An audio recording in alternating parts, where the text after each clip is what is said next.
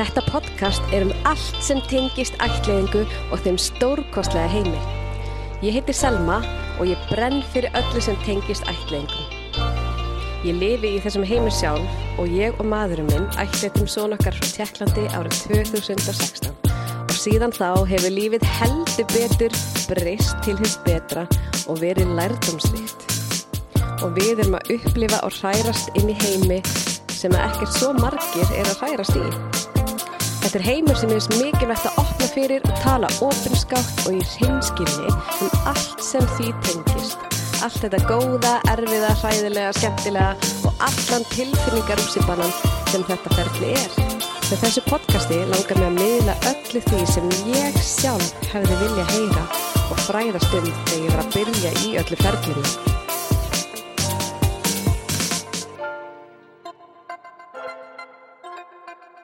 Til þess að byrja á byrjuninni langar mér að kynna mig aðeins og ég heiti Selma og ég á mann sem heiti Steini og við erum búin að vera saman í miljón ár. Við byrjum saman 2005 og ég man þegar við, ég var svona 19 ára. þá vorum við ykkur parti í sveit og við vorum eitthvað að tala um framtíðina, náttúrulega ógæðislega ný ástfangin og allt svo geggjað og það var svo gaman að tala um framtíðina og vorum að tala um hvernig við viljum búa og hvernig, þú veist, hvað við viljum eignast mörg börn og svona. Og ég man ég sagði við hann bara, Steini, svo getur bara vel verið að við getum bara ekkert eignast börn og við ætliðum barn. Þetta sagði ég blind full, 18, 19 ára og hann bara, já, ok, god. Og svo pældi við ekkert í því meir. Og svo bara gerist lífið, við vorum bara saman og bara byggum saman og vorum að leiða út um allt og fluttu svo til New York, þar sem ég var í skóla að læra svona förðun að farða skrimsla dæmi og búið til eitthvað svona skemmtilegt, svona uh, special effect förðun. Og hann kemur með mér í það og svona, það var árið 2010 og þá tökum við ákvörðun að okkur langar að reyna einhvern spatt og við bara eitthvað svona, já, við erum tilbúin í það. Og bæði alveg ógesla spennt. Og 2010 byrjar það ball. Svo bara flyttu við heim uh, 2011 og hérna vorum að leia og eitthvað svona. Og svo var ekkert búið að gerast hjá okkur í hálft ár. Og ég er náttúrulega örgulega óþólinn móðasta manneskja sem hægt er að finna. Ég er alveg viðbjóslega kvatís, bráðlát og óþólinnmóð og það var ekkert búið að gerast hjá okkur í sex mánu sem er nú bara eðlilegt þegar maður reyna, reyna eignaspann og ég er bara eitthvað, já ok, ég ætla samt að panta tíma á lækni. Og ég fóði til læknis og hann bara skoðaði og var allt leita allt eðlilega út og svo leis og ég bara, já ok. Svo man ekki, ég voru átta mánir eða eitthvað innan við ár eða verða ár, ég mannaði ekki alveg var maður svo fljótur að gleyma. Þá ákveðum við að panta tíma hjá Art Medica sem að heiti núna Livjó sem er svona til þess að hjálpa fólki eignar spöld og við fórum í fund þangað og ég man bara ennþá eftir hvað það var dramatíst bara að mæta á fyrsta fund. Uh, ég og maðurinn minn fórum saman á, í viðtalið. Og uh, það var fyrst átti að fara í svona kviðhólarspeglun, svo myndi vera stefna á að fara í tæknisæðingu og svo ef það gengur ekki að fara þá í glasa og svo er þetta í smásjá eitthvað, alls konar valmöguleikar. Og við bara eitthvað já, ok, hann er ég fett tíma í kviðhólarspeglun en af því við vorum bæði í viðtalinu þá þurftu að borga tvöfalt. Og ég var svo hissa, ég bara eitthvað ha, þannig að ég fekk reikning og hann fekk reikning. Við þurfum bæði að borga tvöfalt fyrir þennan sama fund en ef ég hef mætt einn, skiluru, þetta er bara svona eitt af þessu fáralega sem ég fannst við þetta fyrirtæki og það er mjög margt. Ég geti talað um artmedika mjög lengi. Það er margt sem að hefði mátt vera miklu, miklu, miklu betra en allavega. Það er önnursaga. Við fórum í, ég, veist, ég fór í kviðhólaspeglun og þá er hérna stungi svona, ertu svæfður stungin gött við kviðin og eitthvað starf og blásin út og svo er skoðað allt drastlið eitt hana neyri og svo var ég viku ef ekki tíu daga að jafna mig ég gæti vel að lappa stoppað, ég var svo mikinn sársöka. Það var ekki gaman en það sást að sjálfsögðu ekki neitt og allt bara eðlilegt, þannig að þá var næsta skrif að fara í tækni sæðingu. Og á þeim tíma þá var tækni sæðingi þannig að þú sprau, þurftir að spröyta með ykkur svona til að uh, örfa ekkin, þannig að þau myndir stækka og verða svona girnilegri. Og ég þurfti að spröyta með því ógisla spröyturrætt og skítrætt ég hef alltaf verið rosa livjarrætt og rættu bara allt svona spröytudæmi, mér finnst það bara ógeð. Og hérna, en ég, þú veist maður gerir þetta og svo þurfti maður að fara nokkur sem í viku og alltaf láta tróða ykkur drasli upp í píkunæðir til þess að skoða ekkin og gá hérna hversu stór og gyrnileg þau væri að stækka á svo les. Og svo þegar þau voru orðið nógu gyrnileg til þess að láta serða þá ótti kallin að senda sæðis uh, svona runga sér í botla og svo myndi konan spröyta því upp. Eða kallin þeir sem að voru að serða mann. Maður var svolítið eins og belja í serðingu. Svo orðið serðuð spröyta þessu drasli upp og býður í tvær vikur eftir að gá hvort það sért ólétt eða ekki. Og það virkaði ekki hjá okkur. Þannig við prófum einu svona enn og það virkaði ekki hjá okkur. Alltaf bara aldrei ólétt. Og þetta var alveg óksla dýrst. Þannig við eitthvað bara af hverju eigða peningi eitthvað svona sétt? Þegar getur bara farið í glasa það er miklu meiri líkur á það virki skilji. Þannig að þá ákveða að fara í glasa meðferð og það var hérna bara erfið, en mér fannst það svolítið erfitt að fara allarleið þangað, mér fannst þetta eitthvað að voða mikið mál og ég hafði alveg rétt fyrir mér, þetta er mikið mál bæ, sko aðalega andlega og líka líkamlega. Þetta var bara ógæðslega erfitt ferli. En glasa frjókuninn þá á þeim tíman ég held að allt búið breytast, það er alltaf verið að þróa allt betur og betur. En þá þurfti maður að spröyta sig og svona veiða upp vögvan í spröytu, svona og einhver spröytifíkil og spröyta sig á hverjum degi með einhverju spröytu og svo breytist í einhverju aðra spröytu og svo breytist það í eglóspröytina. En hérna, en svo í, glasafrjókun þá vera að reyna að fá sem flest egg, þannig að þú er bara eins og einhver hæna á styrum og með ógeðslega mikið eggjum. Og þið getið ímyndað ykkur því sem að fáið egglosverki að vera með kannski 10-20 egg að stækka hvað þetta eru ógæsla miklu verkir. Wow uh, ég man ekki hvað ég var með mörg egg svona stór. Ætlaði að ekki verið um 15 eða eitthvað svo les eitthvað svo les 10-15 egg sem að voru byrjað að stækka svona mikið.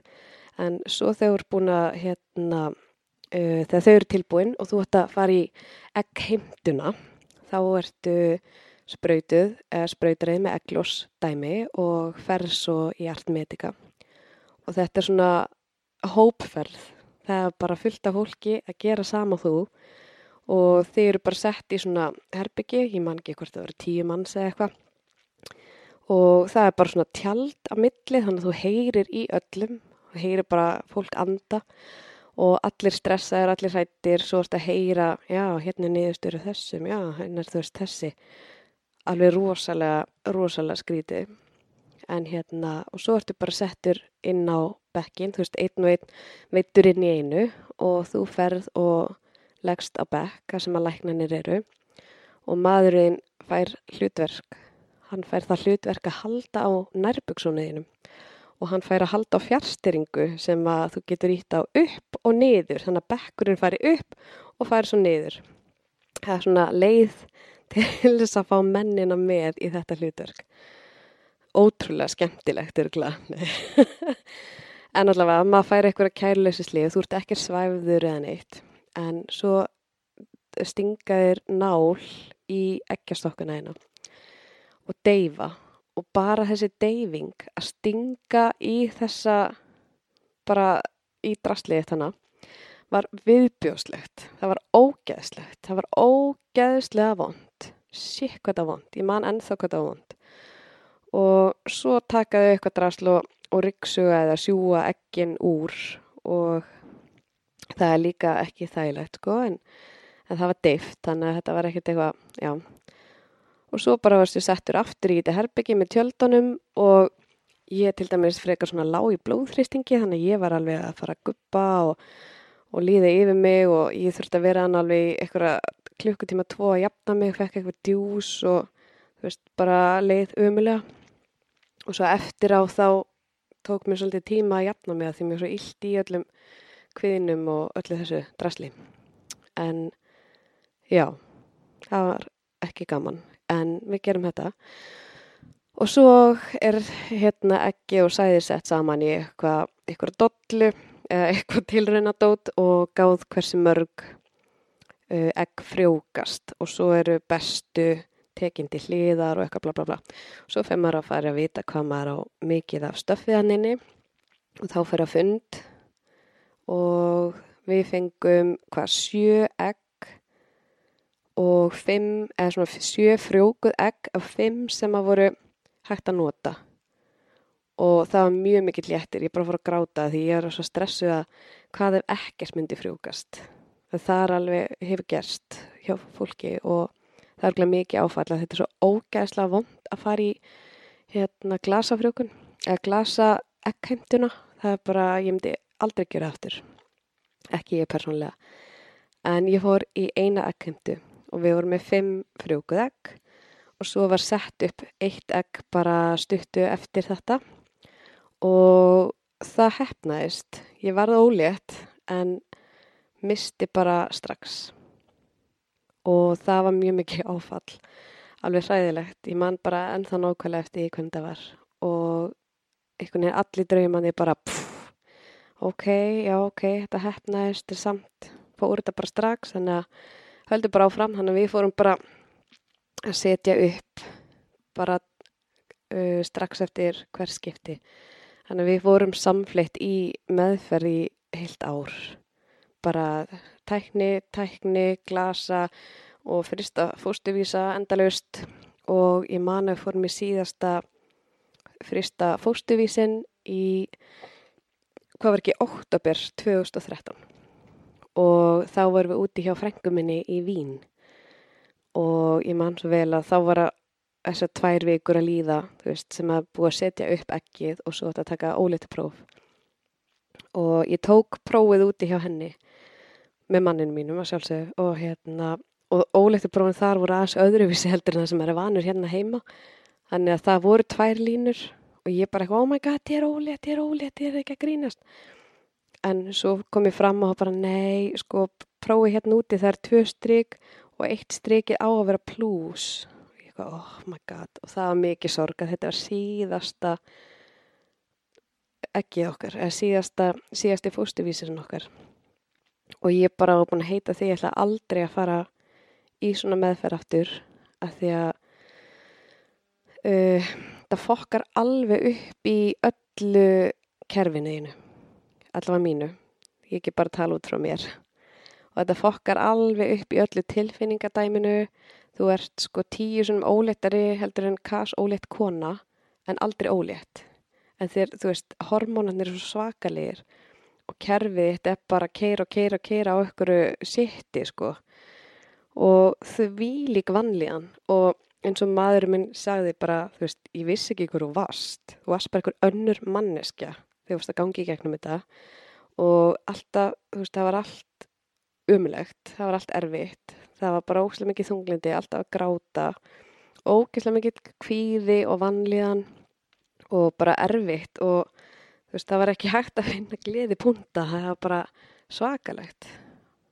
Ég bara, vá, mér finnst bara magna að ég hafi komist í gegnum það með við hvernig mér leiði á þessum tíma. Og ég bara finn svo mikið til með öllum sem að þurfa að gangi í gegnum eitthvað svona að þetta er ógeðslega erfitt. Og erfitt að uh, vera að sjá allar þessar, þú veist, óléttu myndir, fólk að tilkynna og fólk að segja og tala um óléttunum sína og eitthvað. Og maður vill bara grafa sig í hólu og vera þar og bara ekki tala við mig. Og ég man ég forðaðist bara fólk, ég forðaðist óléttakonur, ég bara fór ekki matabóð ef það var eitthvað sem ég vissi að vera óléttur eða nýbúin eitthvað spann eða eitthvað svo les og ég bara forðaðist það. Ég var úslega reið, úslega bitur, með leið ógeslítla. En um leið og við, náttúrulega, við þurftum að sirkja þetta síðasta hérna, fóstur, fóstur dæmi sem við mistum hana og þá tóku ákvörum bara að bóka fund hjá Íslenski ætliðingu og ég man við fórum í, ætlaði ekki verið í lók oktober eða byrju nógumber, jú, ég man ekki, en þá fórum við að fund og það var bara æðislegt, þá voru að tala við hann Kristinn sem að var formaður Íslenska ætliðingar á þeim tíma. Og bara svona fræðast og svona og ákveðum bara kíla á þetta sem að er nú ekki það auðvelt, þú veist maður kýlir ekkert á þetta, maður bara tekur ákvörðun, bara já, við ætlum að prófa þetta, en þá þarf þetta að fara á alls konar námskeið til þess að taka síðan ákvörðun hvort þú ætlir að sækja um. Og það er námskeið sem heitir Er ætlegging fyrir mig? Og á þeim tíma var þetta helganámskeið sem var æðislegt, þetta var bara eitthvað stjórn í sveit á geggiðu hóteli og fullta pörum og fólki sem að var með nákvæmlega sömur einslu og þú eða upplifun, þú veist, búin að fara í allt þetta tækni dæmi og er að pæli sömur hlutum á þú og við kynntum svona alls konar fólki sem að bara eru bara, bara þetta var svo frelsandi að vera í sama rými og þetta fólk. Já, mann á því að svolítið mikið að bonda og tengjast og það er bara gegja og náðum að tala um þetta allt og fólki skildi mann svo vel og það var svo æðislegt. Og það var verið bara svona alls konar verkefni og hópverkefni og svo maður að skoða alveg svakalega mikið inn á við. Við höfum að gera alls konar verkefni tengt, tengt okkur sjálfum og hvernig við ólumst upp og hvernig við hefum viljað gera betur og allt þetta. Hvað okkur var skott í uppeldinu og hvað mætti betur fara og eitthvað svona og hvernig fórildra við viljum vera og svo bara, ég man ekki alveg allt en þetta var alveg ógeðslega gott námskeið. Steini maðurinn minn, hann bara frelsaðist á þessu námskeiði og við tókum bara, þú veist, við vorum bara strax bara þetta er það sem við ætlum að gera. Við fundum það svo stert og þetta væri okkar leið og um leið og við tókum þá ákverðin að ætliða barn Það var eins og losna við bara 100.000 tonn á bakinu. Fundum svo mikið létti að vera laus við þetta reyna eigna spann og þetta glasa kæftæði bara, vá, ok, þetta er okkar leið og við ætlum þanga. Þó svo svo leið er ekkert sérlega auðveld heldur. En bara að fá þessa ákvörðin og loka hínu kaplanum, það var bara geggjað. Þannig að þegar við erum búin að þessu námski þá bara tekur um svona ferli við uh, ákveðum að sækja um í Tjekklandi. Það voru hvar Tjekkland, Tógó, uh, Kína og Kólumbía, minni mig, hafi verið í bóði. Við vildum Tjekkland út af því að okkur fannst það svona, henda allavega okkur langt best upp á að það er svona parað barn við fjölskyldur. Parað barni við fóreldra. Það er alveg grann skoða hérna eigileikar og og persónuleiki bats og fóreldrana og svona. Og það para saman það sem henda best. Okkur fannst það dásamlegt og líka bara þá er ekkert númer, þú veist ekkert hvenar þú ert í rauðinni en ég held að sé eins og í Kína þá er meira svona númer, þú ert númer þetta. Og þá færð þú bara bann sem er númer þetta skilju en í Tjekklandi, Tjekklandi þá er para saman. Og það er líka svona aðlugun sem ég fannst aðeinsleg og ég bara svona já, ég vil gera allt sem að auðveldar barninu að eignast fjölskyldi og til dæmis þegar þú færið ringingu um barn og þú samþykir það þá máttu fara að senda svo barninu pakka og með þú veist teppið eitthvað með lyktinni þinni á eða myndum af þér og eitthvað svona ykkur fórildrunum og barnið svona fær undibúning áður en þið koma að sækja. Og svo þegar maður er úti þá fær barni líka aðlögun. Þá er ekki bara rifið upp frá rótum og látið fá barni, heldur er það bara svona aðlagað, veist, það er hittingsdagurinn og þá er þið saman, svo kannski næsti dagur og það fer allt eftir hvort að batsi á batnaheimili eða fústu fjölskyldu og fer allt eftir hvernig batninu líður og hversu tilbúið það er. Sumi þurfa lengri aðlögun og aðrir stittri. En mér fannst það, eða okkur fannst það, mjög svona batnvæn og falli nálgun að eignarspannið okkar. Þannig að við völdum Tjekkland út af því. En hérna, já, um svona ferli var alls konar og við vorum ekki gift þegar við vorum að sækja um. Við vorum búin saman þá í nýju ár og síslimaður var alveg að skýta á sig. Sori ef ég segi eitthvað svona dónalegt en þeir voru bara í rugglinu og ekkert sellega samvinnufús. En ég man að þau hérna vildu ekki leifa okkur að halda áfram umsókninni, þú veist, fá forsamþykki fyrir að við væri búin að gifta okkur og eins og ég skildi það á þeim tíma að þá þurftum við að býða svo í þrjú ár og vera búin að vera gift í þrjú ár. En hérna, ég var að reyna að stitta þetta hérna, ferlið, þannig að hún stakk upp á að við myndum fá sannanir frá fólki sem við höfum leikt hjá, hvort að við höfum verið saman í alverðinni. Þannig að við vorum að flakka út um allan bæ, fengum hérna uh, skriflegt frá einni gamalli konu sem við legðum hjá í kellara og það er alltaf rosalega vandræðilegt að fara til ókunnugs fólks að hérna fá sönnun að við vorum par á þessum tíma. Við fórum til annars leiðanda að við þurftum að fá undirskrift. Ég fóð til læknis minns sem er búin að læknir minn í mörg ár og vissi að við værum par, fekk skriflegt brið frá honum og alls konar svona kæftæði að því að svo sendu við henni þetta búin að hérna, fá, fá nokkrar sannanir og frá ókunnu fólki og hún sagði að þetta væri ekki fullnægandi sönnun, henni að það væri ekkert að það gera. Og þá var maður alltaf ennþá meira reyður, bara oh my god, hún er að senda okkur út um allan bæ, fá eitthvað svona skriflegt frá ókunnu fólki sem er ótrúlega eitthvað nýðulegandi fannst okkur. Og svo segir hún bara, nei, þetta er ekki nógu gott. Já, ok, nei bæ. En hérna, en svo giftu okkur bara í mæ 2014, drifum okkur í því og þá bara sagði hún að þá bara gæti bolti fyrir að rúla. Þá fengum við hérna uh, forsamþykki bara mjög fljóðlega eftir brúköpi okkar. Þannig þurftum ekki að býða í þessi þrjú ári viðbúti sem við heldum til að byrja með. Og það var geggjað. Og eftir forsamþykki þá sækir um úti. Það velur um land og sækir um erlendis og þá sóttum við um hjá Tjekklandi og það eru alls konar gögn, við þurftum að fara til sálfræðings og gera alls konar sálfræðapróf og það þurfti að hérna, uh, við þurftum að fara í klessupróf, ég man ekki hvað heitir, þetta er ekki viðkjönd próf lengur en Tjekkland óskar eftir því. Og þá var bara einn maður sem að gera þetta á Akureyri. Þannig að við fórum í ferðalag til Akureyrar og vorum í ykkur á þrjá klukkutíma í svona klessuprófi.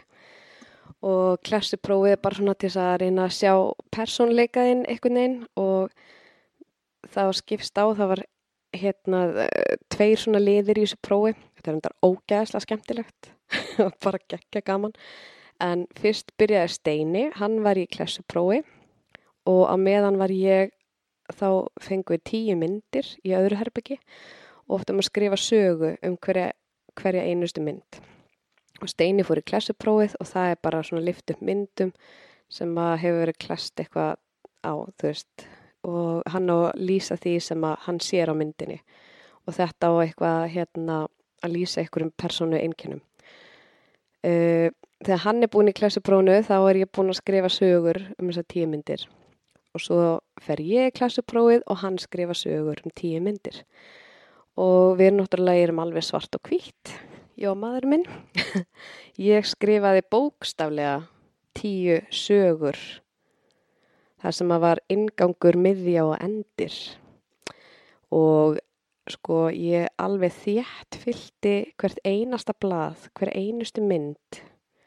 Því líkt mikil saga og reynda nota eins og mikið ímyndunarafl og úrvinnslu og lausnir og spennu, það var allt inn í þessum sögum og læknirinn sagði bara já, ég er neili bara ekkert að lesa þetta.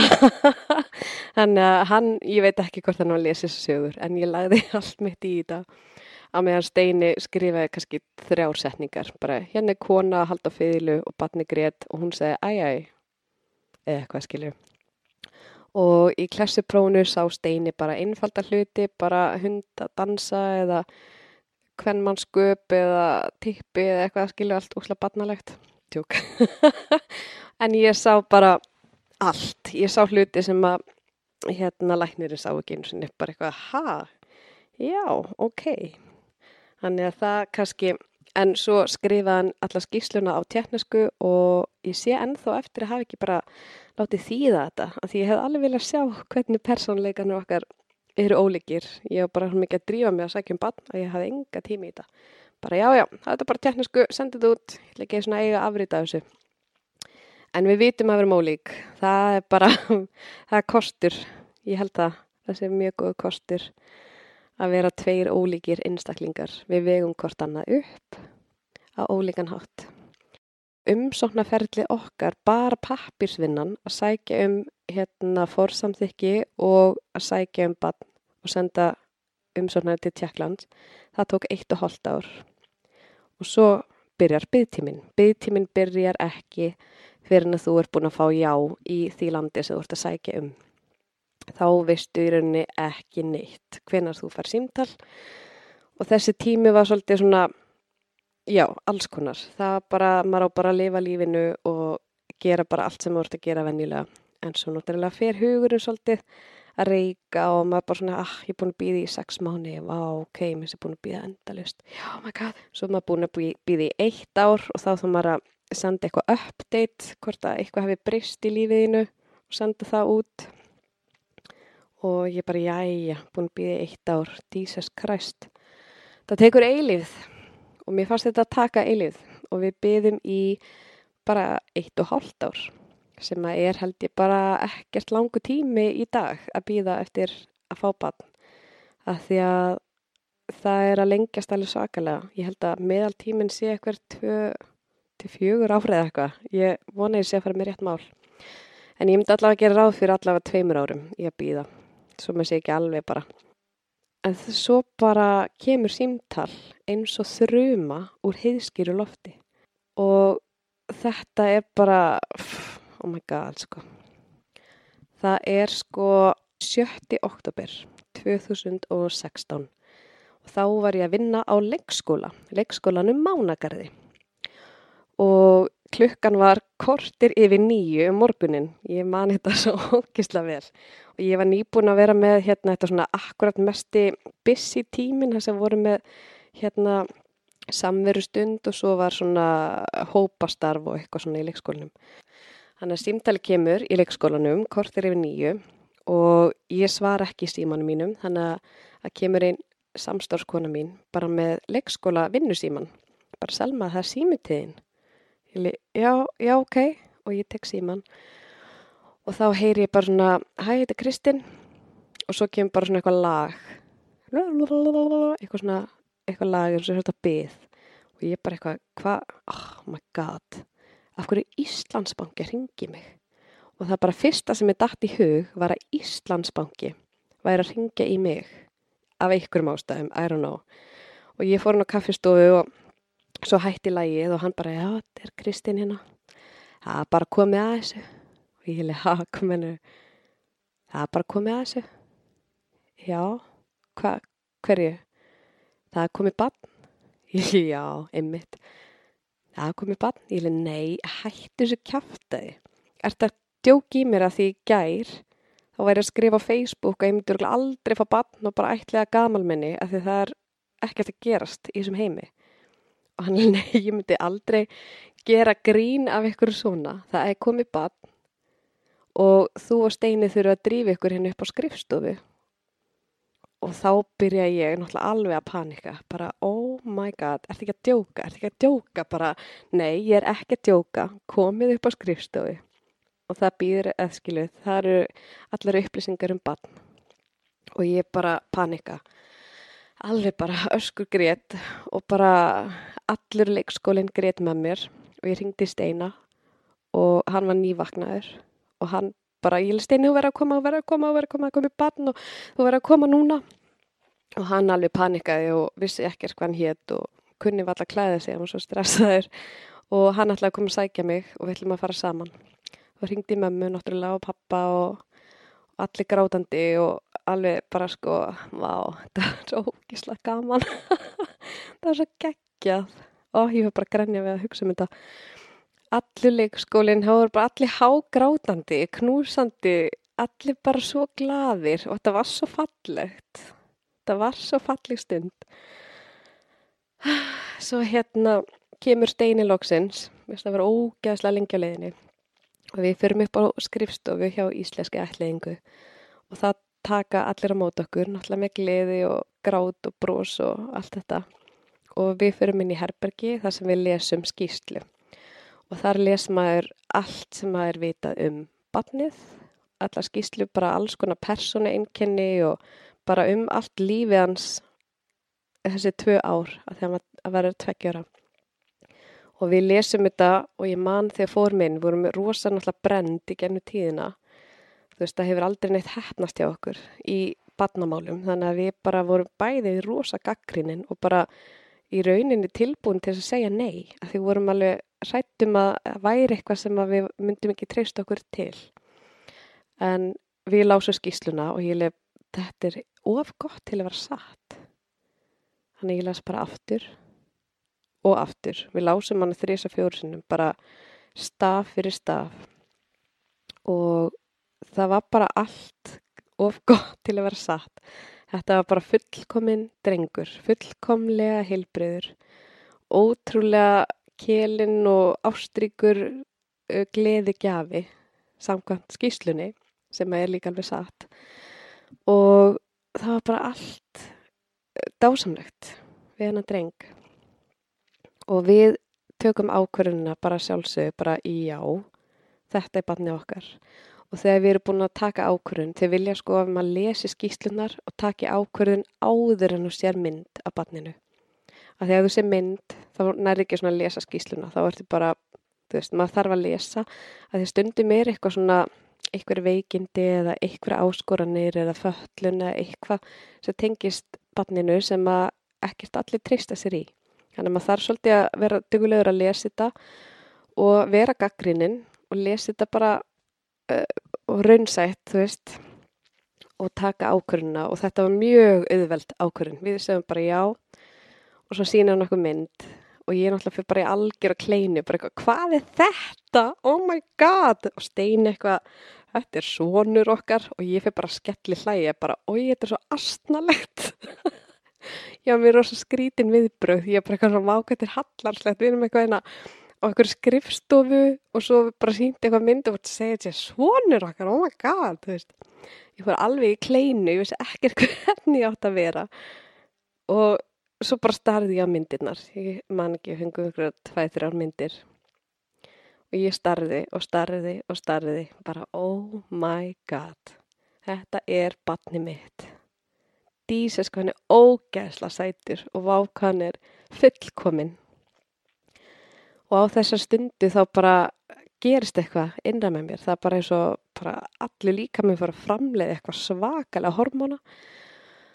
Og bara, vá, þetta var svo súrt, súrealísk og frábær stund. Bara tilfinningar úr sér banin sko, oh my god ég náttúrulega bara grét og grét og grét og bara hára myndina og ég var með myndina hvert sem ég fór, náttúrulega tók mynd af myndinni og var með hana út um allt og held á blaðinu og bara svona svo fyrir maður að ímynda sér banni náttúrulega almenlega og svona. En hérna já, svo fyrir við bara af skrifstofunni og ég ákvaða að fara bara aftur í vinnuna sem að ég hefði bara ekki átt að gera því ég var alls ekki á staðnum sko. Bara fór í vinnuna og svo bara af hverju er ég hérna? Ég ætla að fara heim. Bæ. Og um kvöldið þá buðum við öllum nánustu fjölskyldin okkar og buðum upp á tjernarskan bjór og tjernast súkulæði og allt eitthvað tjernanst og vorum bara að skála og fagna og skoða myndir og tala saman og bara það var indislega fjölskyldustund allir svo ótrúlega spennt léttir og gladir og samgleðust svo svakalega. Þetta var æðislegt. Ég bara, ah, ég bara þegar ég hugsa um hennar tíma, vá.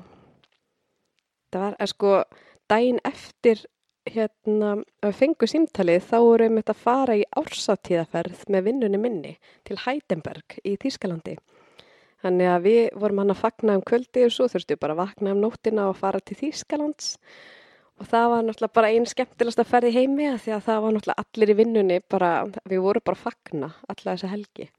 Þetta bara fagnunar helgin mikla og svo vorum við að kaupa badnaföð og, og svona bara byrja að undirbúa þetta dæmi sko. Og það var ógeðslega gaman að kaupa badnaföð.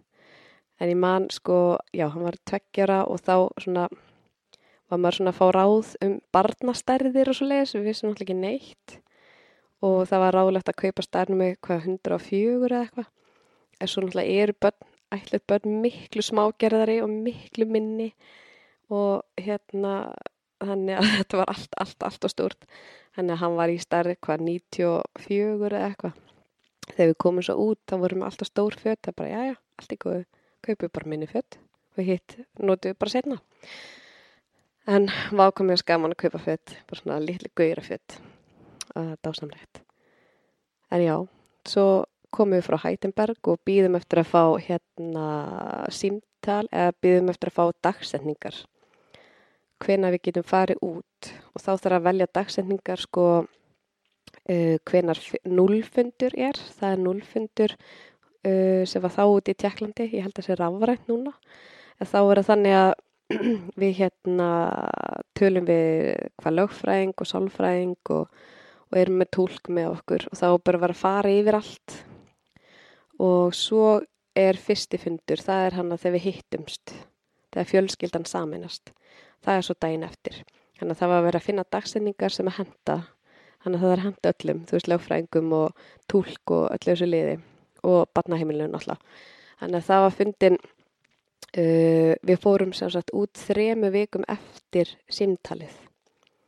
Og þá bara þurftum við að gera allt, fara og finna flug, við þurftum að finna íbúðir og finna, uh, þú veist, kaupa allt fyrir batnið skiluru, kerrur og kerru og gera batnaherbyggi klárt og bara, já, bara reyðra um sig eh, gera reyður, reyðurskerð eitthvað sem heitir og fengur svo dagsendingar hann að við gáttum farið út þremi vikum eftir símtalið sem er bara nokkuð gott maður hefði ekki viljað fara setna maður langar bara helst út í gær sko.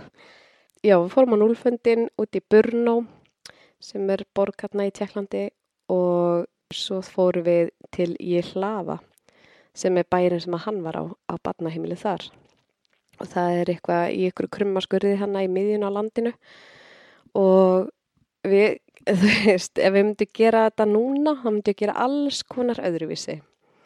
Uh, við hefum kannski leikt bíl eða fengið leigubíl bara til þess að borga fyrir það að keira okkur alltaf þessa leið. En við fórum í ætlum að fyrir lest sem enda í ykkurum þremu lestum og tveimur rútum og enginn talar ennsku og við vissum ekki raskat í bala hvar við vorum og vorum ógeðslega mikið að ferðartöskum þannig að þetta var alveg svakalega mikið vesen og mikil óvisa þegar við fórum kannski lest og svo stoppa hann og þá var öllum hend út og við vissum ekki hvað við vorum og bara eigum að fyrir þessa, eigum að fyrir þessa? Svo endur við ykkur rútu og an, annari rútu þú veist þetta var, þetta var svakalegt. Bara komist svo loksins af leiðaranda sem beti fer, við vorum ára pínu stressuð því þetta tók marga, marga, marga klukkutíma. Marga klukkutíma ferð og bara komur svo um kvöldi til ég hlafa og voru þar á geggi og hóteli, svona íbúðahóteli og fórum bara strax í leiðubíl til að fara fyrir utan batnaheimilið, bara til að sjá og vera vissum hvar við værum værum að hafa réttan stað, að er það ekkert vesan, að myndum ekki tínast eða villast eða fara okkur vittlis stað daginn eftir að því daginn eftir áttu við að, ætlum við að hitta batnið okkar í fyrsta skipti.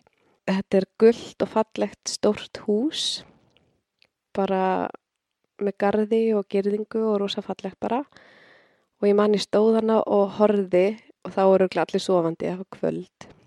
Bara vá, batnið okkar er þarna inni. Við erum svo ótrúlega nálagt batnin okkar. Og þetta var svo skrítin tilfinning. Að vera bara á samastað á batnið hann sér þið ekki og þið sjáu ekki hann. Og veist hann að nynni eða getur ekki hitt hann.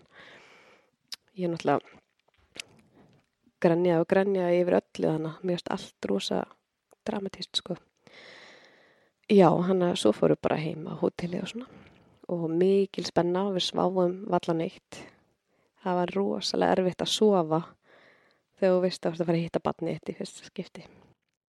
Svo bara vöknum við hana eldsnemma, fengum okkur morg morgumat og drýfum okkur. Við mættum náttúrulega, náttúrulega allt of snemma. Ég er svolítið þannig. Ég vil helst vera allt of snemma í því af því að mér finnst hræðilegt að vera sein og hvað þá ekkur svona. Ég held að við mætt klukkutíma fyrir, vorum með gröfu leikfang í hendunum stóðum fyrir auðvitað batnaheimili að býða eftir að geta komist inn og bara, þú veist, er náttúrulega ógæslega glöð, ógæslega spennt, það er alltaf að fara að breytast eftir örfáa klukkutíma. En við fórum inn á batnaheimilið og hittum þar fór stöðukonuna og tólkin okkar. Við förum hann á, og við fáum að skoða hins batnaheimilið og svo hérna förum við inn í eitthvað herbyggi og erum það með fund með einhverju fórstu konum, einhverju konum sem að vinna hana og lögfræðing og sálfræðing og tólk minni mig. Nei, lögfræðingur er ekki, ég mannaði ekki. Allavega sálfræðingur og hérna, og þá eru við bara, getum við uh, verið með spurningar og spurt allt sem við viljum spurja um barnið og um bara eitthvað og ég hef búin að skrifa niður fullt af spurningum hvað ég vildi vita og það er mjög gott að vera vel undirbúin. Ég hefði kannski átt að því ég var bara með stílabók og penna, ég hefði alveg vilja vera bara með tölvu og bara rita niður, því maður er alltaf miklu fljótar að skrifa í tölvu og bara rita niður allt, þú veist, bara eins og okkur vél. En að því maður náttúrulega gerði í fyrsta skipti, þá vissi maður raun ekkert og heilin á menni var heldur ekkert að meðtaka nýtt. Maður bara spurði eitthvað og skrifaði eitthvað en maður náði engu sem við varum að segja.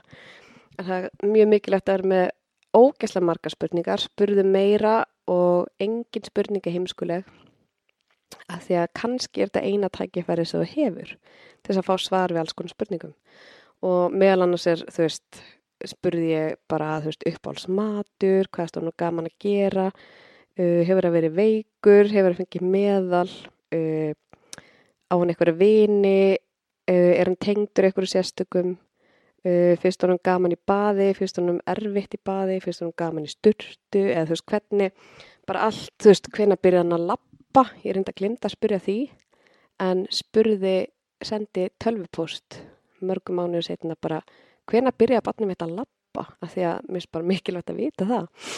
Og þá fær maður svör og bara fyrst orð ef þið viti eitthvað súleis eða bara þú veist hvað sem er, bara spurja og spurja og spurja og ég vildi líka vita nákvæmlega hérna dagskrána hjá þeim, hvernig dagarnir eru hjá þeim, bara vakna bara öll dagsrútina af því að við vildum halda henni allavega fyrstu dagarna vikunar til þess að veri minnasjokk fyrir barnið að halda þessar sömu rútínu. Þannig ég vildi vita nákvæmlega rútínuna og bara alls konar spurningar. Og það var rosa gaman að fá svör við þessu og fengu líka fleiri myndir. Og við fengum að vita þú veist að hann var rosalega tengdur einni fóstrunni þannig og hann bara kallaði hann eiginlega mömmu sína sem er bara geggjað af því þá náða hann þessi góðu tengingu. Af því maður er svolítið svona smeyku við tengslarof og röskun og allt þetta af því það getur verið bara erfitt að díla við og erfitt að hérna, en þú veist, alltaf gerðilegt, maður bara vinna betur að því að ná tengingu og svo les, en bara að barn hafi verið með góða tengingu er rosalega gott. Og svo þegar þessi fundur er búin, þá er klukkan að verða tíu um morgunin og þá er komið að stóru stundinni. Og ég mani hugsaði rosalega mikið í hverju ég ætla að vera, að því ég vildi að þetta væri sem þælast fyrir barni, ég var að sko greina lítaval og allt hvernig lítur myndi hafa áhrif á líðan hjá börnum og eitthvað svona. En svo því að vann í leikskóla það var einn peisa sem að þegar ég var í henni þá elskuðu börn þessa peisu það er bara vennileg grá peisa nema stóri svona demanta eitthvað á aukslunum og börnum fannst þú svo geggja flott og voru alltaf fyrta í demantunum þannig ég ákvaði að vera í þessari peisu bara að því að börnin á leikskólanum elsku þessa peysu. Og það var geggjað val af því að hann elskaði þessa peysu líka og var alltaf að skoða demantana og strjúka og, og svona fyrkt í þeim. En hérna, já, við sátum í sófa, fylgta fólki í kringum okkur, þú veist, það er sálfrængur, það er tólkur, það eru starfsmenn hérna og svo kemur forstuðu konan og leiðir strákin okkar inn, inn í hennar sál og ég maður bara tilfinninguna og allt sem ég hugsaði þessum tíma að bara stöðvaðist tímin í rauninni. Og þú veist, ég, ef ég hefði farið að gráta þá var ég ennþá að gráta, ég hefði ekki getað að stoppa sko, en ég bara brosti og svona hláti svona bara helt inn í mig tárunum og bara svona, wow, hann er rumverulegur þetta er rumverulega að gerast. Steini fór bara strax að gráta og þurkaði tárin og maður hann með skjálfandi neð, neðri vör og brós að kynnum en ótrúlega hamingisamir að hann lappaði hennar rosa hlétrægur og feiminn og var að nutta augun sín og, svona, og hún litta hann svona að okkur og við réttum hann um gröfuna sem er dótið sem að svona gott að gefa hann eitthvað dót. Og hann tók við henni og var bara alveg stjarfur. Vissi ekkert hvað er að gerast þannig séð, hann alltaf tveggjara bara. Ég man ég þurfti að pota svona létt í hendina á hann til þess að vita að hann væri alvöru, þetta væri bara í alvörun að gerast. Þetta væri alvöru batn, það væri, væri ekki bara eitthvað svona ímyndun hjá mér. Ég og Steini horfum okkur þannig bara vákan er miklu fallegri heldur en á myndunum hann var rosa fallegur á myndum hann er svo fallegur, þetta er fallegasta batn sem ég á æfinni séð. Vá, bara þetta er batni okkar. Svo hérna var þetta bara ótrúlega vandraðlegt sko. Hann var hann að stjarfur og vissi ekkert, þú veist, Deini vissi ekkert mikið hvað hann var að gera, þú veist, satt bara hann að, ég hef svona búin að vinna á leikskóla, hann ég var eitthvað aðeins að reyna að nálgast hann, tók eitthvað bíl og var eitthvað svona að reyna að nálgast hann eitthvað aðeins, en hann var bara rosa svona kvektur sem er eðlilegt og bara gott, ef svo ég var um sig sko, þess að ég bara hoppandi fangja manni strax, svo bara held ég eftir klukkutíma, eða ekki einu svona það, hálftíma, klukktíma, þá vorum við bara svona aðeins byrja að leika bara svona rólega og gefa honum að drekka veist, og að mikilvægast í þessu er að við séum að gefa honum að drekka og gefa honum að borða matan og allt þetta og við erum aðeins að gefa honum epladjús og síðan honum eitthvað að bolta og eitthvað. Og svo er fyrsta knúsið bara þá er hann bara í fanginu mínu og bara þefandi, kúrandi og bara eins og lítið unga bann í fanginu mínu. Og er þannig bara heil, heil lengi. Og það er bara einn besta tilfinning bara sem ég hef fundið. Og svo setjum við þarna eins og nýbakar fóreldrar sem við vorum.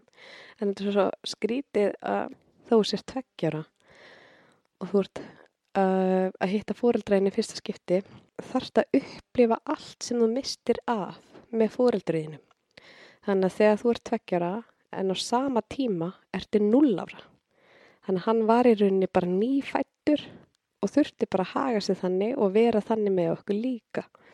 Og það er eitthvað sem við ætlum að tala betur um í einhverjum þætti hérna í podcastinu.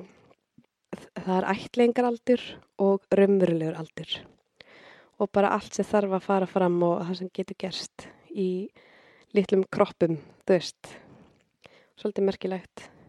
Þetta var indisli stund og við eittum hana heilum degi, vorum bara að kúra og leika og bara allt rosa rólegt og það er mjög mikilvægt að hafa þetta bara rólegt og, og bara ekki einhver æsingsleikir það er ekki alveg málið held ég allavega ekki svona fyrst. Aðlöfning gekk bara vel og hann var bara alveg að fíla sig með okkur og ótrúlega gaman og svo leggjum hann í, í vögguna sína eða svona rimlarúmið til þess að vera í hádeislúr og það var veist, þess, á þessu barnaheimili voru bara held ég fimm eða sex börn í herbergi. Bara rosa lítið og mannúðlegt fannst manni. Þetta var ekki svona risa, risa, risa barnaheimili með 40 börnum þannig að þetta var bara mjög næs og settum hann í rúmið og hann var með teppi sem ég hafi heklað handanum. Og hann var rosa montinn og sína okkur teppi og hlæja og hlæja og rosa gaman. Og hann fór að sofa og hátegislúrin er alveg þrýr tímar sko. Að því að börnin hann eru látin sofa mjög lengi. Til þess að auðvelda starfið skilji og við fórum í hátismat og ég held ég að ég fengi bara eitthvað innefli og disk eða eitthvað, ég veit ekkert hvað, ég, ég ætlaði að fá mér eitthvað gúlas en þetta var alltaf rosa skrítið sem ég fekk. Það er, já, stundum svolítið undarlega matur en ég man ég þurfti að fá mér bara bjór. Ég var alveg í tilfinningarlegu ruggli. Ég var dofin. Ég vissi ekkert hvernig mér átti að líða og ég var svona eins og verið fljúandi fyrir ofan sjálf á mig. Ég var eitthvað ekki að staðnum og mér stóðslega erfitt að býði þrjá tíma meðan hann var að sofa. En á meðan þá voru við bara að skoða batnaheimili betur og fá okkur að borða og, og svona. Og svo fóru við að taka mótunum þegar hann var búin að vakna og þá var klukkanum, hann, að vera þrjú og gefa hann um einhverja ressingu.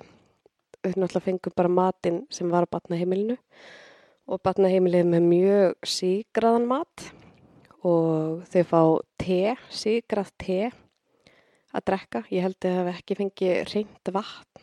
Ég held að það sé ekki algengt að fá bara venjulegt reynd vatn. Alltaf sigrað te eða sigrað djúsar eða stundu var þú veist kaka í kvöldmatt.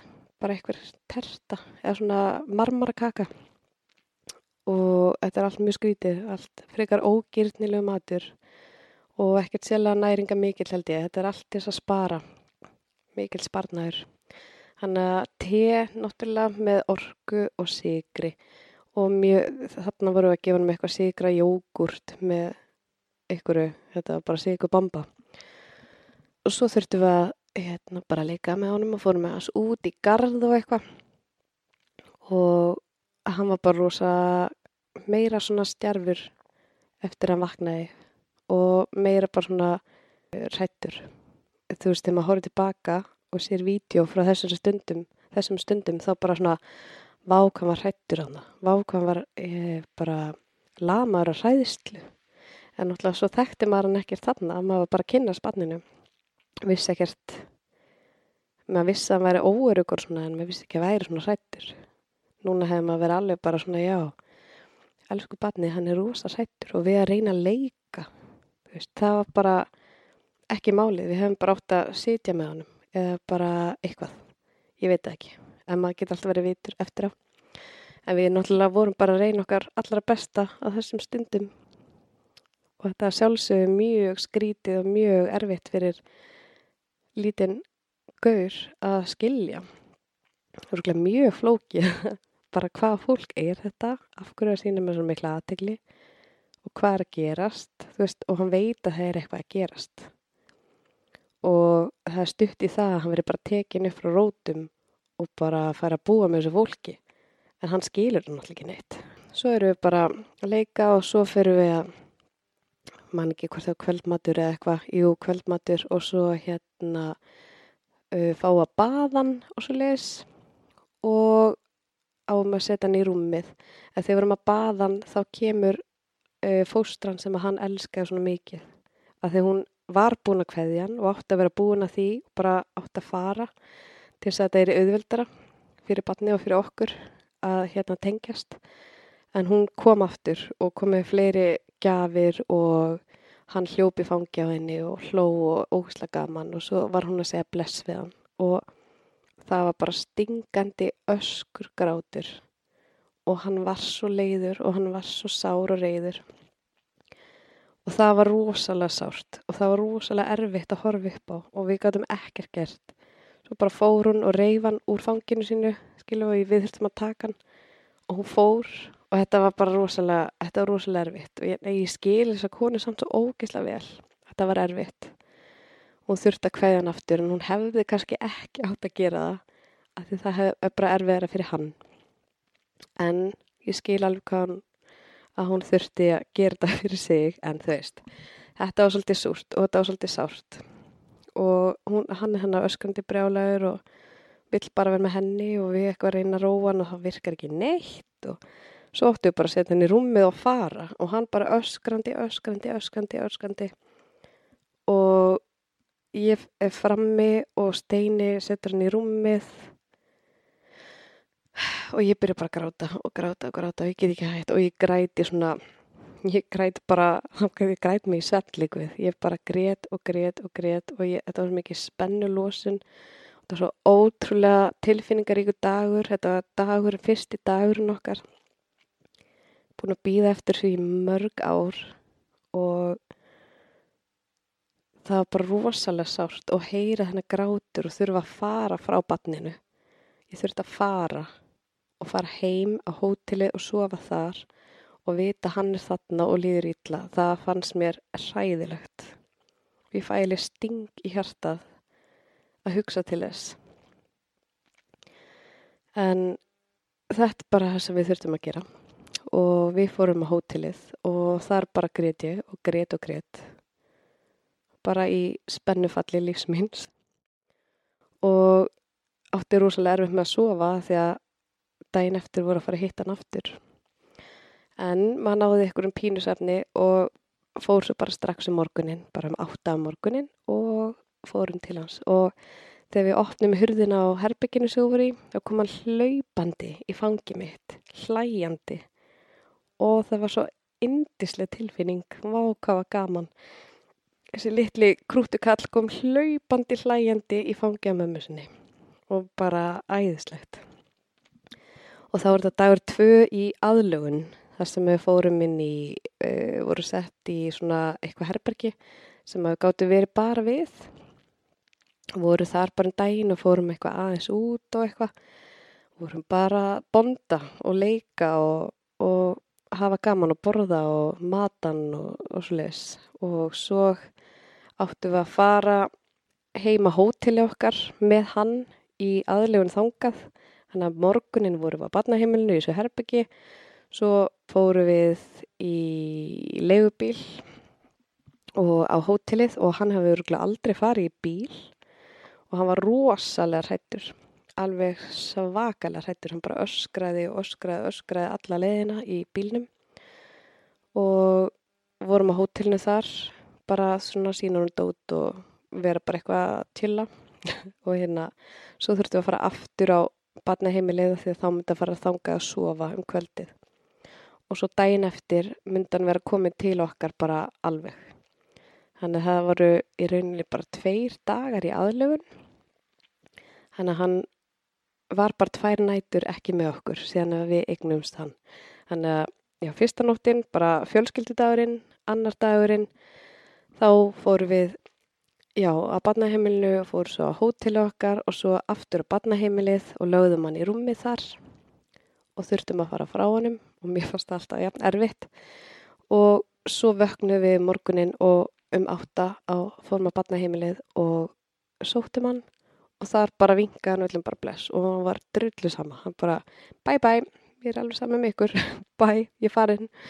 Þannig að það var svo sem fínt að hún er fast að ekki erfitt.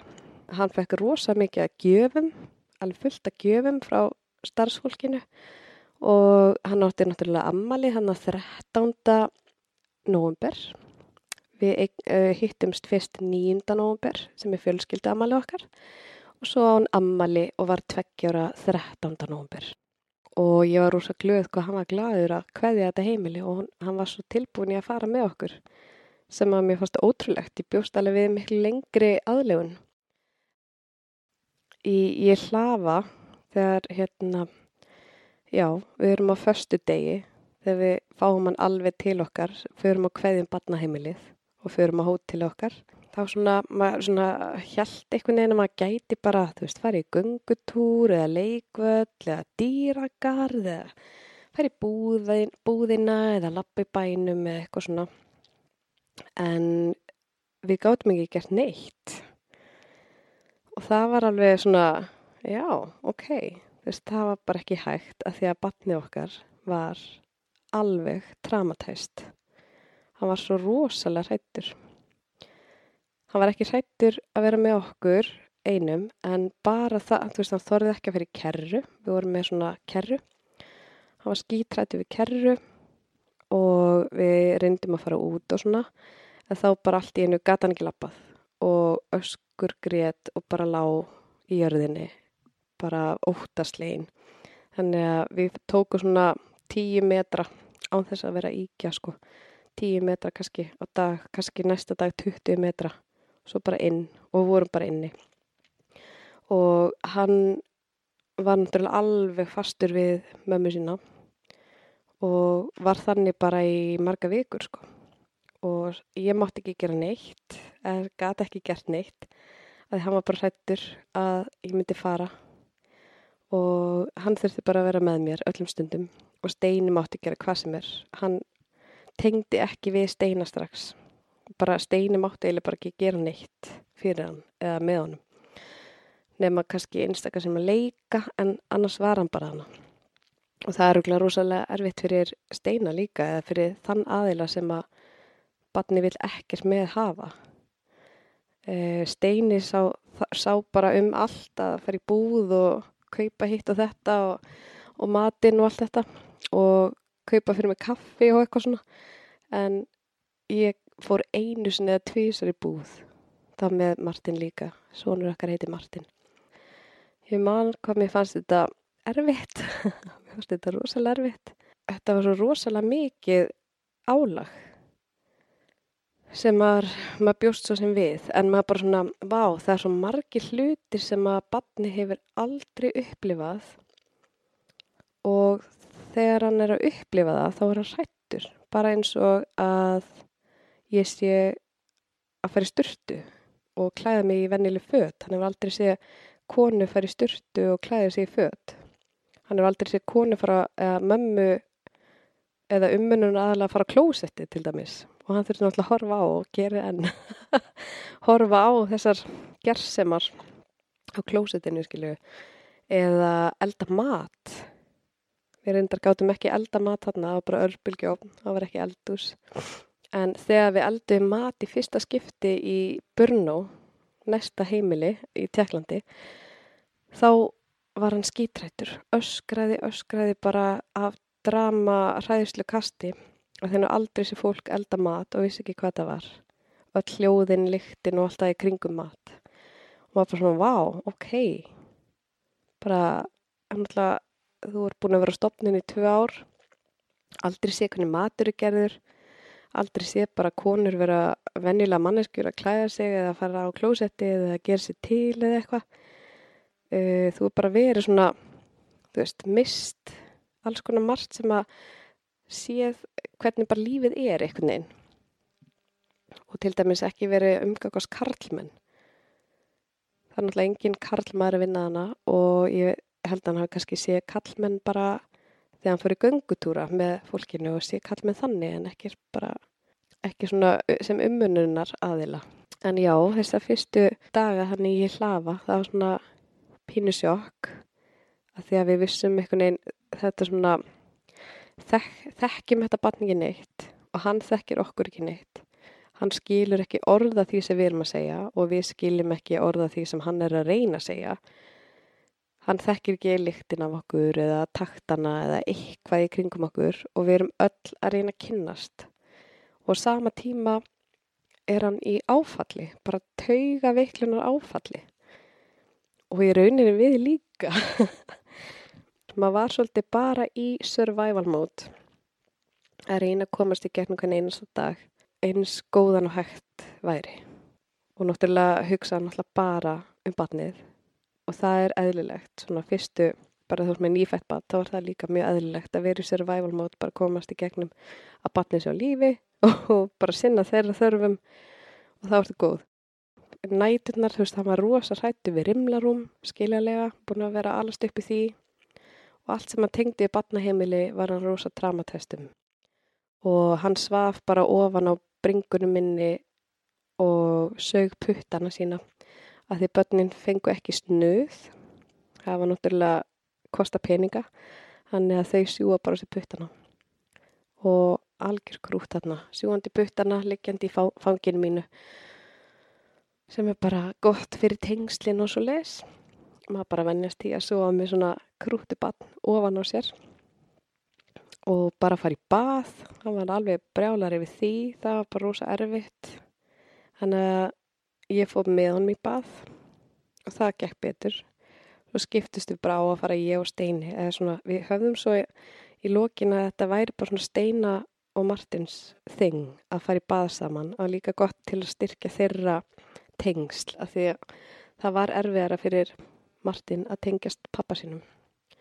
Þannig að baðtíminn var bara þeirra og þeir fóru saman í bað og það að fara í bað saman er geggjað fyrir tengslamyndun. Þá er húð og húð að snertast, þeir eru í augnhæð, getur náðu svona sambandi, þeir eru að leika og horfast í augu og hlæja og alls konar svona frábæra stundir sem að þeir geta átt saman sem að ebla þessi tengsl og það var ótrúlega gaman, það var alltaf rosa mikið stuð. Og geggja að heyra þegar Martin er bara öskur hlæjandi í baði að því pappans eru ógísla fyndin og skemmtilegur. Þannig að og það líka tími fyrir mig svona eini tími dagsins sem að ég er ekki með bann límti við mig. Þetta er eini tími dagsins þegar hann fyrir bað með pappa sínum að hann var ekki alveg ofan í mér. Og það var mega næst Já, svo förum við frá í hlafa og förum í leigubíl eða eitthvað svona bíl og förum til Brno og vitum í rauninni ekkert hversu lengi við verðum af því að við erum bara býð eftir að verða dæmt í málun okkar og þegar búið að dæma í málunu þá eh, sem sagt að við megum taka batni úr landi og ætlaðan þá megum við fara til Íslands. Þannig að við erum hana bara tvö, eða nei, þrjú í pínu lítilli stúdíóýbúð. Því að við vorum fyrst búin að leiða eitthvað svaka flotta íbúð en sem betur fer letum við aðtuga hvort að vera í lægi með þetta að því að þetta var einhverju stór hættulegu hverfi bara stór hættulegu hverfi. Þannig að við sögðum þeirri leigu upp og fundum eitthvað annað miklu miklu dýrara í örugu hverfi og það var þessi stúdíu íbúð ég held að hann hafi verið 30 fermetrar og rúmið sem við sváum í, það brotnaði á fyrsta kvöldi. Og það var eftir mig, eftir mig. ég var eitthvað að hlussast ég hlussaðist í rúmið og brauta. Þannig að það var alltaf hóla svona í miðin á rúminu allan tíman sem var ekki cool. Það var ekki þægilegt. En hérna, hérna við sváum saman í þessu íkja trí rúmi með hólu í í fimm vikur eða eitthvað. Ekkert space fyrir okkur fóreldrana þannig að þegar, þú veist, kvöldrútínan þá bað og hátta. Og það tók svona þrjá tíma með öskri og drama og gráti hverju einustu kvöld. Ógæðslega erfitt. Og við alveg að bugast bæði tvö og höfðum enga til þess að tala við nema hvort annað sjálfsögðu. Ef við nefndum ekki að tala við hvort annað við erum komið ógæð hvort öðru, öðru sko. Þannig að við hérna vorum bara í sikkur hodninu í íbúðinni og horfa á eitthvað í tölfunni eða eitthvað og fóru svo að sofa. Og ég myndi aldrei gera þetta aftur að vera svona lítill íbúð. Að ekki spara pening taktu fyrir eitthvað lánskilur eða þartest bara til þess að vera í almennilegri íbúð. Þess að þú getur alltaf að fara í herbyggi útaf fyrir þig til þess að fá bara smá breyk það er mjög mikilvægt. Gerum það næst.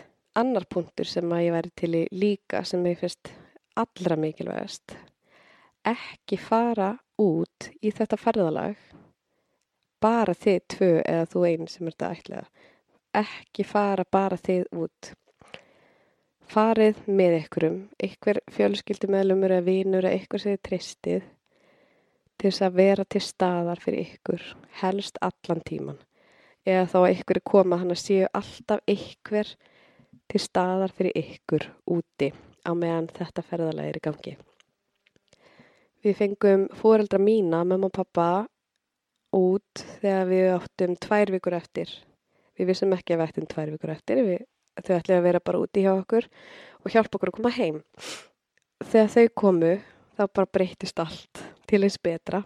Það mátti ekki vera mínútið setna, við höfum örgulega drepið hvort annað, sko. Við vorum alveg búin á síðustu drópunum með hvort annað tilfinningarlega, andlega, bara allt.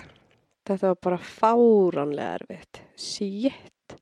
Svo þegar mamma og pappi komu, þá bara, vá, þau voru bara með sálfræðastof fyrir okkur bæði í nokkra klukkutíma, bara að skiptast á. Við þurftum svo mikið að opna okkur og tala og losa og, og bara pústa og alls konar. Og ég myndi gera það næst ef við fáum batna aftur að hafa ykkur með mér allan tíman og ekki til þess að vera eitthvað pæli batninu skilju. Við náttúrulega fóreldrarnir þurfum að tengjast batninu og þau með ekkert vera eitthvað að hérna, messa við það. En þetta er til þess að hafa kunnulegt fólk sem er til staðar fyrir ykkur. Geti hjálpa með eitthvað hluti eins og bara þú veist mat eða eitthvað eða þú getur leita til og tala við og hjálpa þér í gegnum þetta. Því að þetta er ekkert grín sko. Þetta er nefnilega bara þúsund sem erfiðar heldur maður að gera sig grein fyrir. Þannig ég bara predika fyrir fólk. Ef ég veit um eitthvað sem er að fara í þetta ferli, hafðu fólk með þér allan tíman. Ég hef alltaf viljað það en ég mann þegar mamma og pappi komið þá bara, það var bara best í heimi sko. Alltaf er svolítið mamma og pappa stelpa sko og er rosalega náinn fóröldur mínum. Þannig að mér fannst bara, mér finnst ég búin að vera frá þeim svo ógeðslega lengi. Og svo þegar komið það bara var bara grenjandi gleði sko. Þau náttúrulega alveg ógeðslega spennt að hitta barnabarni sitt og greitu af gleði og hamingju. Og ég var svo spennt að hitta með pappa, ég var bara alveg að pissi í mig og spenningi sko. Og það var bara svona instant svona ró þegar þau komu, þá bara leið manni strax betur og það gekk allt betur. Eftir að þau komu þá gáttu við fara á kaffihús, sonur okkar bara gatt verið á kaffihúsi. Það var einhvern veginn ekki hægt áður en þau komu, hann bara gataði ekki og sem er ótrúlega skrítið að pæla í. Bara hann var ekki tilbúin að gera neitt svona. En svo þegar þau komu þá gott þau fór út að borða, kaffihús og gekk allt með, fórum í dýragarða og það gekk bara ógislega vel. Og það var úrslega gaman af því að það er úrslega gaman að breyta þess til, við vorum alltaf að gera sömu hlutina maður var alveg að rótna sko. Hann var náttúrulega búin að tala við þig svona á Skype eða hérna FaceTime eða eitthvað alveg sen við hittum hann fyrst. Og svo þegar hann hitti þig þá bara var það bara geggja, hann var mjög spenntur að hitta þig og tengdist þeim einhvern veginn strax. Og þau voru með búin að vera með í FaceTime eitthvað svona, svona rúbröðsbíl, svona uh, gulan og bláan stóran einhvern veginn leikongabíl það var semt ekki stór, eða svona einhvern bíl. Og voru alltaf búin að vera sínunum hann svona í FaceTime. Og svo þegar við hittum hann og fórum að kaffihús þá tók Afi upp bílinn og sett hann á borðið. Og Martin alveg bara svona þú veist, bara þekkti bílinn frá öllum sem spjöllum og var svo gladur og bara leika með bílinn, bara þetta er umurlegt, þetta er bara amma og afi sem með bílinn. Það var alveg magna, það var mögnu stund. Hann bara hló og hló og hló og fannst það ógæðislega gaman. Og ég mæla alveg með því að, að gera þetta, þú veist, þegar þeir eru að sækja bann og eru að tala við uh, nána aðstandendur. Að þeir séu með eitthvað svona dót, bara eitthvað, þarf ekki að vera mikið og merkilegt sem að ég sína og svo þegar hittast að fái dótið. Ég held að það sé óslega gott múf, góð tenging. Já, þau komu til okkar, þau voru búin út í fimm vikur. Oh my god, sko. Þau voru á hóteli bara rétt hjá okkur og allir dagar voru eins. Þau komu alltaf á sama tíma til okkar. Voru bara saman allan tíman, skilju. Þetta var bara svona við komu, voru saman hjá okkur. Við fórum út í garð að leika og svo fórum við saman kannski hérna strætónir bæ í gungutúra labbaðast þar. Svo fór, fórum við heim og þá fór hann í hátegislúr svo hittust við aftur eftir lúrin. Þá komu, komuðu til okkar og fórum út að borða og eitthvað. Og fórum svo heim að sofa. Þetta var eiginlega bara svona stundu fór í dýragarð í staðan fyrir að fara í eitthvað. Og það var bara rosa gaman. Og þetta var bara svona sama rútina alla daga. Við heldum þessu bara eins til þess að bara auðveldra fyrir hann, strákin hann, en bara það að þau var með okkur, það bara bjargaði öllu, ég er að segja ykkur það, það bara geðhilsan sko læknaðist tífalt. Það þess að það mikið að ég gæti einu sinni fara og kef kaffi að hún svo að batni væri með og það var bara ekkert mál. Og það er eitthvað sem að já, var svolítið erfitt en hann er mitt sko elskaði ömmu sína, náttúrulega búin að svona miðaldra konur svolítið búin að vera að hugsa um hann allan, alla tíð. Þannig að hann tengdi mjög mikið við konur og miðaldra konur. Þannig að amman var bara, hann sko þefaði af henni og alveg fór inn í hann, hann knúsaði hann svo mikið. Og kalla hann alltaf Ammi, Ammi! Og bara elskaði Ammi, Ammi sína. Já, og það var svo fallegt, ótrúlega fallegt. Svo þegar við fengum loksist dóminn, það var svona smá drama með það. Við vorum alltaf að senda post og bara er eitthvað að frétta, er við að fá dóminn, komustu heim fyrir jól. Maður langar bara að komast heim. Ég var svona alltaf pínu ótti að, að, að þetta yrði svo ekki rumurlegt, að það myndi vera tekin af mér. Það var bara eitthvað svona innri ótti. Þannig ég vildi bara komast heim til þess að vera örugum að hann væri minn, skiljið. En svo fengum við dóminn loksins. Það var eitthvað svona postmaðurinn var í rugglinu og ég veit ekki af hverju post. Það var eitthvað postmaður með eitthvað gögn sem að var að villast. Svo rata hann á rétt að stað, skilji. Þetta var eitthvað svona voða skrítið. Við bara já, já, ok, bara, viljum bara fá dóminn og komast heim. Við fengum dóminn og vegabrifið og við bara hlóum og gretum og pöntum flug og pökkum og bara daginn eftir. Þú veist, við fengum dóminn og daginn eftir fórum við heim. Og vá, hvað gott að komast heim. Uh, ég hef búin að undirbúa eða við vorum búin að undirbúa hann alveg ótrúlega vel fyrir heimkomuna. Ég hef búin að gera svona bók þar sem að með öllu fólkinu allir í íbúðinni, bara með myndum. Alltaf, og þú veist, báðum bílunum okkar bara allt í okkar hverfi sem að bara alltaf skoða. Þannig að þetta er bara komið inn í svona undir meðutunduna Svo er ég búin að sína hann vídeo af bara strætó, bara strætó leið frá Reykjavík og, og heim að húsin okkar og bara alls konar svona vídeo um Ísland og, og hverfið okkar og tala við fólk á FaceTime og svona. Þannig að hann var alveg fyrir eitthvað vel undirbúin og það gekk líka ókvæmslega vel.